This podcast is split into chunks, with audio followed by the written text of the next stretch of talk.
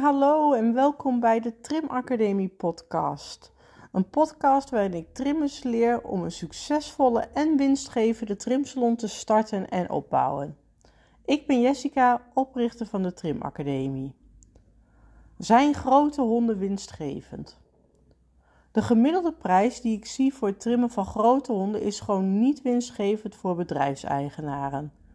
Bij grote honden heb je meer van alles nodig om ze te trimmen en ze zijn meestal niet goed geprijsd om hiermee rekening te houden. Maar kunnen grote honden met aangepaste tarieven winstgevend zijn? In deze podcast ga ik bespreken wat een winstgevende prijs is voor het trimmen van grote honden en uitleggen waarom je waarschijnlijk je prijzen zou moeten verhogen of je klantenbestand zou moeten aanpassen. Grote honden kunnen slecht zijn voor zaken. Het klinkt misschien hard, maar dat kan het echt zijn als je je prijzen niet goed structureert. De meeste mensen realiseren zich niet hoeveel schade ze aanrichten aan hun bedrijf door niet genoeg te vragen voor grote honden. Maar ja, waarom kosten grote honden meer?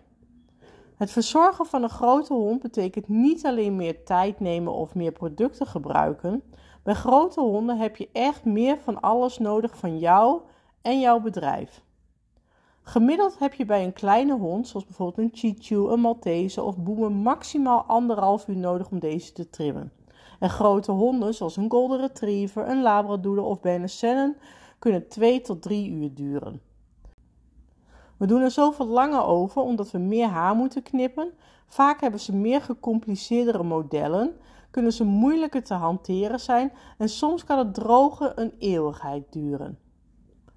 Als je dezelfde prijs vraagt voor een kleine hond en een grote hond, betekent dit dat je uurloon voor de grote hond wel drie keer lager kan zijn dan je uurloon voor een kleine hond. Dat voelt niet goed, toch? Daarom is tijd een van de belangrijkste factoren om rekening mee te houden bij het bepalen van je tarieven.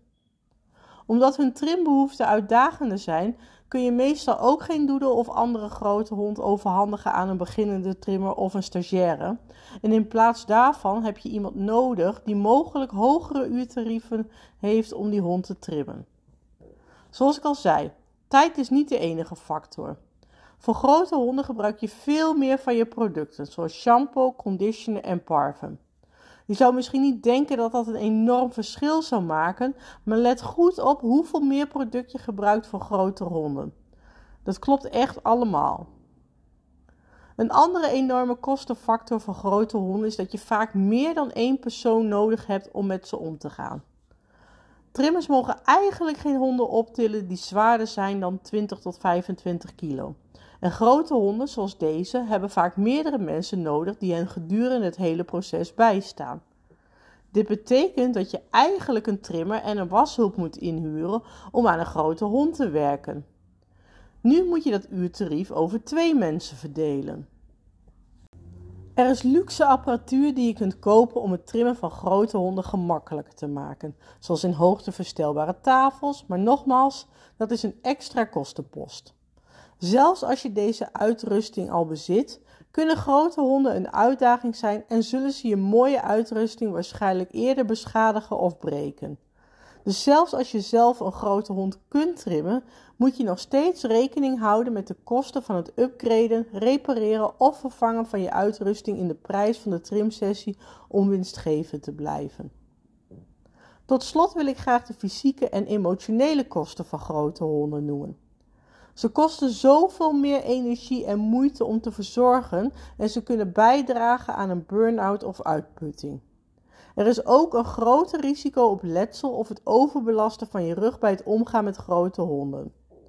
Persoonlijk, als ik de keuze had tussen het trimmen van drie Chichus of één Berner, zou ik absoluut de Chichus kiezen.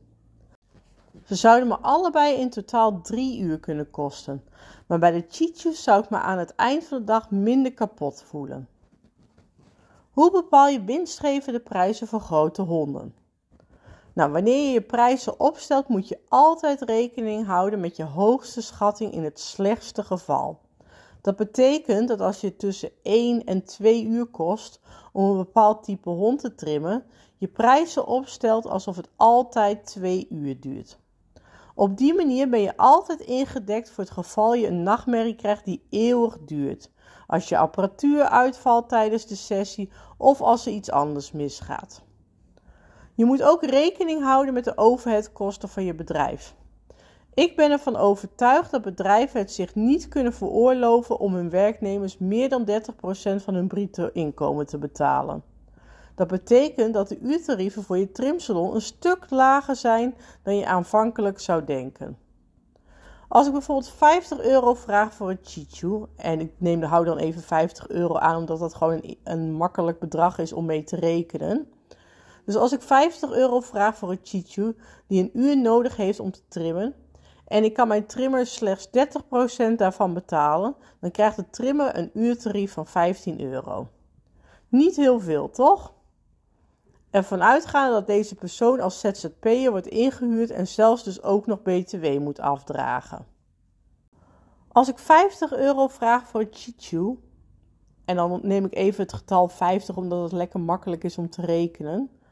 Dus als ik 50 euro vraag voor een chichu die een uur nodig heeft om te trimmen en ik kan mijn trimmer slechts 30% daarvan betalen, dan krijgt de trimmer een uurtarief van 15 euro. Dat is niet heel veel, toch?